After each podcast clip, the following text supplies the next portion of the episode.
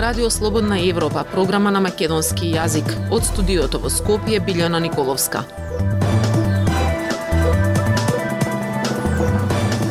Во денешната емисија на Радио Слободна Европа ќе слушате Обстанокот на отворен Балкан во фокусот на посетата на албанскиот премиер Еди Рама во земјава. Државата порачува граѓаните да ги извадат парите од подперница и да вложат во обврзница. Анализа на РС, зошто во Европа се очекуваат проблеми во авиособраќајот. Независни вести и анализи за иднината на Македонија на Радио Слободна Европа и слободнаевропа.мк. Албанскиот премиер Еди Рама од Скопје порача дека не носи со себе вест за смртта на иницијативата Отворен Балкан, но таа сега треба да се тргне малку настрана и да се фокусира на берлинскиот процес. За македонскиот премиер Димитар Ковачевски, Отворен Балкан е жив и не е во спротивност со берлинскиот процес. Тој ги покани и другите земји од Западен Балкан да се приклучат кон оваа иницијатива. Деталите од Зорана Гаджовска-Спасовска. Прашањето дали е жива иницијативата Отворен Балкан не е прашање на живот или смрт. Но тоа е само една од 72 иницијативи кои сега треба да се остави малку настрана за да се фокусираме на берлинскиот процес.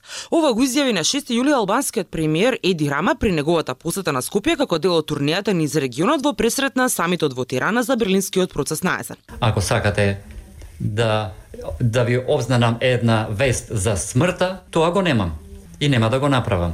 Животот е убав затоа што секој може да си ја пее својата песна во една ситуација на слобода и демократија. Секој од вас може да ја избере да ја пее својата песна и кој очекувал дека Отворен Балкан потврлил, нека га испее песната за крајот на Отворен Балкан, кој го поддржува, нека и дека дека продолжи да да да пее за протамошниот живот на Отворен Балкан.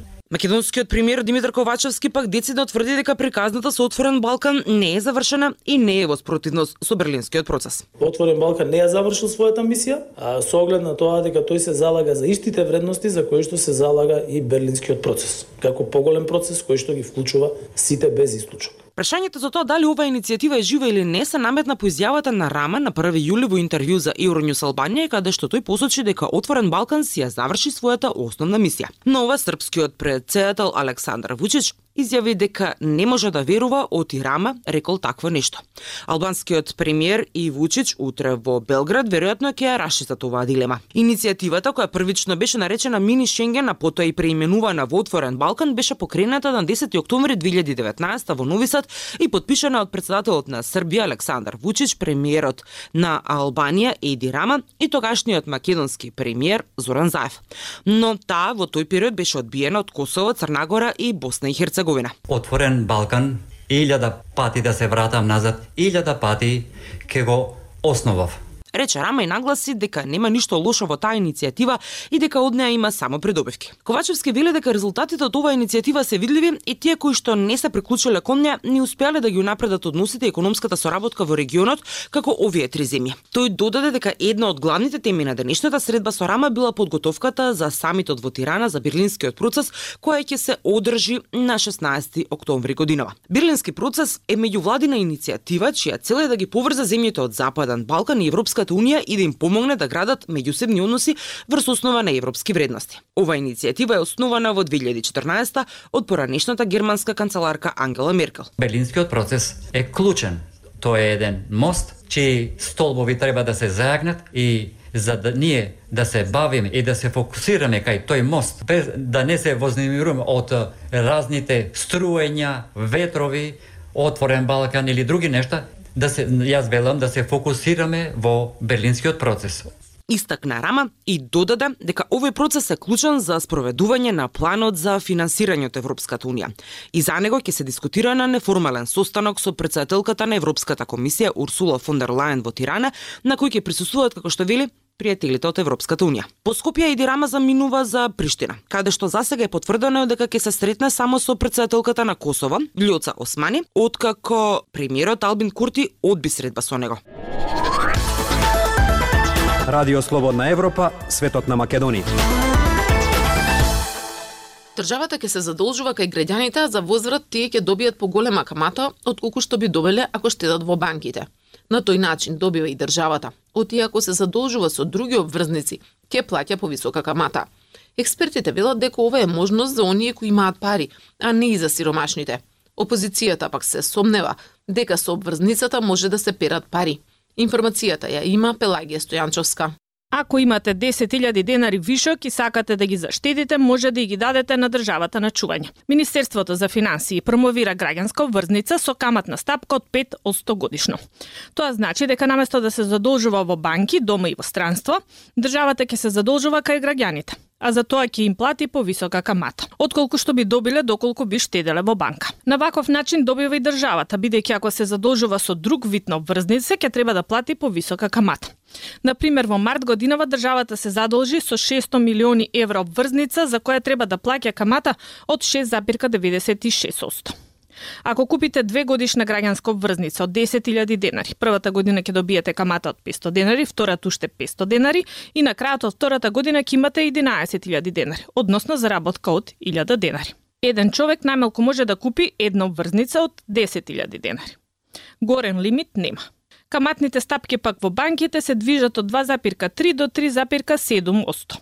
Тоа значи дека ако орочите 10.000 денари на две години, ќе добиете меѓу 460 и 740 денари камата. Министерот за финансии Фатмир Бесими вели дека со граѓанската обврзница во период на висока инфлација граѓаните ќе можат да инвестираат без ризици.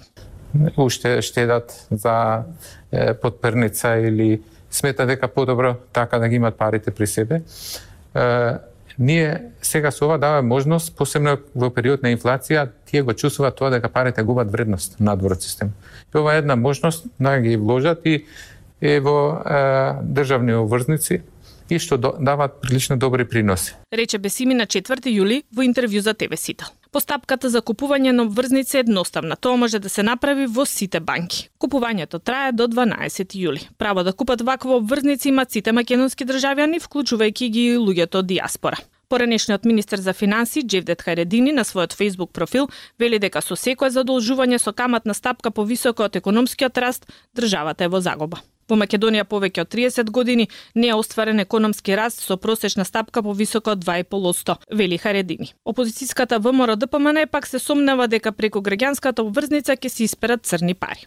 Само за граѓанска обврзница нема да имаат обврска да објаснуваат од каде им се, за се друго имаат. Тој што има црни пари дома значи дека има пари, нашите граѓани немаат. Вели подпредседателката на ВМРО ДПМН Гордана Димитровска Кочовска во интервју за Република. Бесиме пак за обвинувањето од опозицијата дека на овој начин ќе може да се исперат нелегално стекнатите пари, вели дека граѓанската обврзница е имуна на политички изјави. Тие гледат други бизниси. Тие се спремни да прифаќат поголем ризик и бизниси каде што имат поврат на капиталот повисок од 5%. Вели Бесими. Граѓаните во банките чуваат околу 5,4 милиарди евра. Помалку од половина им се во денари, а малку повеќе во странска валута. Слободна Европа Следете на на Facebook, Twitter и YouTube. Сите обвинети во случајот софтвери се виновни, пресуди кривичниот суд. Прво обвинетиот Драги Рашковски, кој е и поранешен генерален секретар на владата, доби 8 години затвор. Останатите 6 минат добија затворски казни од 3 до 5,5 години. Извештајна Тамара Дичовска. Вкупно 8 години затвор за поранешниот генерален секретар на владата на Република Северна Македонија, Драги Рашковски, пресуди денеска кривичниот суд за кривичните дела злоупотреба на службената положба и перење пари. Исто така судот го заложи Рашковски со уште тројца осудени да ја надомести штетата која ја нанеле на државата со набавка на систем и софтвер за откривање на брзо возење по сообраќајниците во вкупна вредност од околу 190.000 евра и тоа во рок од половина година. Во спротивно ќе биде активирана гаранцијата од замрзнатите сметки имот, како на обвинетите, така и од малолетните деца на поранешниот генерален секретар, на чија сметка тој ги префрлал парите добиени од кривичните дела. При изрекувањето на пресудата судијката Фанка Јанчулева Михајловска истакна дека при судењето се докажало дека сите се думи на обвинети се виновни за делата кои ги товари обвинителството за организиран криминал и корупција. Факт е дека Драги Рашковски со дело од обвинети или пак тие меѓу себе имале префрлање на пари кои најчесто биле големи суми, а дел од нив потоа биле префрлани на сметката на Драги Рашковски. Трансферите на пари во некои случаи биле и меѓу правни лица во кои фигурираат обвинетите. Беше само мал дел од образложението на пресудата. Од останатите обвинети, Игор Христов доби 5 години 6 месеци затворска казна, додека Ивица Димитровски доби 5 години затвор. Собственикот на фирмата Инвока, Даниел Станчев, доби 4 години затвор, а другите по 3 години. Инаку случајот кој во јавност е познат како софтвери се поврзува со тендери реализирани од генералниот секретаријат на владата во период кога Рашковски беше прв човек на секретаријатот. Обвинението ги посочуваше четири набавки како што се систем за биометриска идентификација, софтвер за определување на просечна брзина на возила во сообраќајот и изрекување казни, камери за препознавање регистерски таблички за возила, метални кабини за потребите на системот за биометриска идентификација и систем за автоматско препознавање на регистерски таблички. Дел од обвинението се однесуваше за исплата на хонорари на луѓе ангажирани од Рашковски, а дел од парите завршувале кај него. Рашковски и другите обвинети очекува ослободителна присуда, бидејќи смета дека обвинителството не успеало да докаже ниту една од своите теории. Во завршните зборови Рашковски истакна дека незнаењето на обвинителството плюс моќта е еднакво на тиранија. Актуелности свет на Радио Слободна Европа. Летното лудило во Европа веќе започна во јуни, според CNN, каде се истакнува дека многу европски центри се преполни со туристи, со распродадени хотели, преполни музеи и ресторани, особено во градовите како Барселона, Рим и Париз. Но како да се стигне до нив? Зошто во Европа се очекуваат проблеми во авиосообраќајот? Повеќе од Петар Клинчарски. Европските аеродроми се на средината на уште едно бурно лето, бидејќи глобалниот број на патници се опоравува на нивото од пред пандемијата. Авиокомпаниите соопштија дека се подготвени да избегнат повторување на минатогодишниот хаос на патувањата, откако штрајковите и недостигот на персонал ги принудија да откажат илјадници летови и да избегнат долги редици на главните аеродроми но штрајковите на контролата на летање, кои доведоа до тоа авиокомпании да бараат заштита за прелет и таковните разговори за платите на персоналот на аеродромите и авиокомпаниите може да доведат до дополнително нарушување. Британските безбедносни работници на аеродромот Хитроу на 23 јуни ги завршија 31 дневните штрајкови во најпрометниот британски воздушен центар. Повеќе од 2000 вработени прифатија подобрена понуда за плата повисока од 15,5% до 17,5%.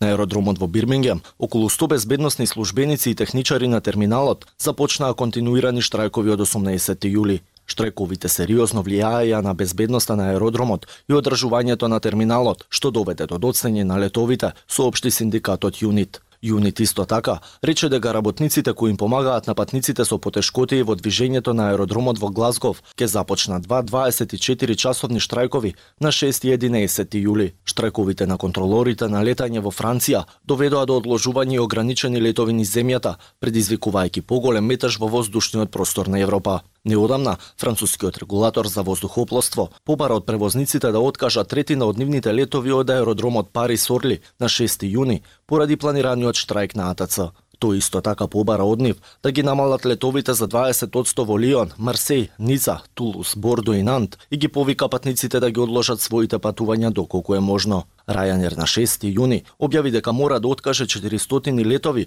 поради 36 часовен штрајк, од кој повеќето не одат во Франција. Италијанската компанија за контрола на летање соопшти за Reuters дека нема да има штрајкови во италијанскиот сектор за воздушен транспорт помеѓу 27 јули и 5 септември поради летниот исклучок предвиден во индустриските регулативи. Пилотите на регионалната компанија, кои од 27 февруари штрајкуваат секој понеделник и петок, од 6 јуни стапија во дневен неоправдан штрајк штрајк поради спорот околу платите. Од 4 јули, Иберија објави на својата веб страница дека некои летови можат да бидат засегнати и понуди флексибилни цени за некои патници кои патуваат до 6 јули на линиите што ги оперира Air Nostrum. Две недели штракуваа пилотите на Air Европа во Шпанија на 19 јуни. Шпанија најави дека очекува да прими повеќе туристи во летото 2023 година, отколку пред пандемијата на COVID-19.